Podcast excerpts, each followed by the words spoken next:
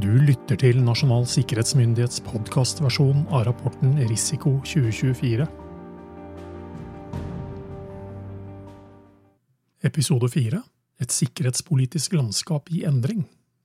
Russlands angrepskrig mot Ukraina, økende stormaktsrivalisering mellom USA og Kina og en stadig tiltakende teknologisk utvikling er utviklingstrekk som får konsekvenser for nasjonal sikkerhet. Norsk næringsliv understøtter også nasjonal sikkerhet. Norge sikrer energi til europeisk industri og oppvarming av millioner av hjem med eksport av gass fra norsk sokkel. Ifølge Etterretningstjenesten har Russland søkt å svekke vestlig samhold og vilje til å støtte Ukraina ved å legge press på Europas energisektor, blant annet ved å strupe den russiske gasseksporten. Det har økt Norges betydning for europeisk energisikkerhet. Totalt er nesten 9000 km med gassrørledninger tilknyttet norsk gassproduksjon. Det er lenger enn avstanden fra Oslo til Tokyo.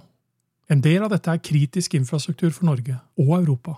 Sabotasjen mot gassrørledningen Nord Stream 1 og 2 høsten 2022 og skadene på gassrørledningen mellom Finland og Estland høsten 2023 viser at kritisk sivil infrastruktur er sårbar for ytre påvirkning.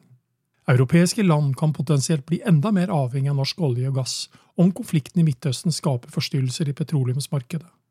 Det øker den sikkerhetspolitiske verdien av norsk petroleumsproduksjon ytterligere, og det øker også risikoen knyttet til norsk petroleumsvirksomhet. Innsatsen som operatørselskapene gjør på norsk sokkel, får dermed stor betydning for nasjonal og internasjonal sikkerhet.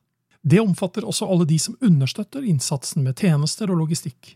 Det samme gjelder andre sektorer og virksomheter nasjonalt. Sikkerhetspolitikk er ikke avskåret fra resten av samfunnet, men både understøttes og påvirkes av en rekke ulike virksomheter.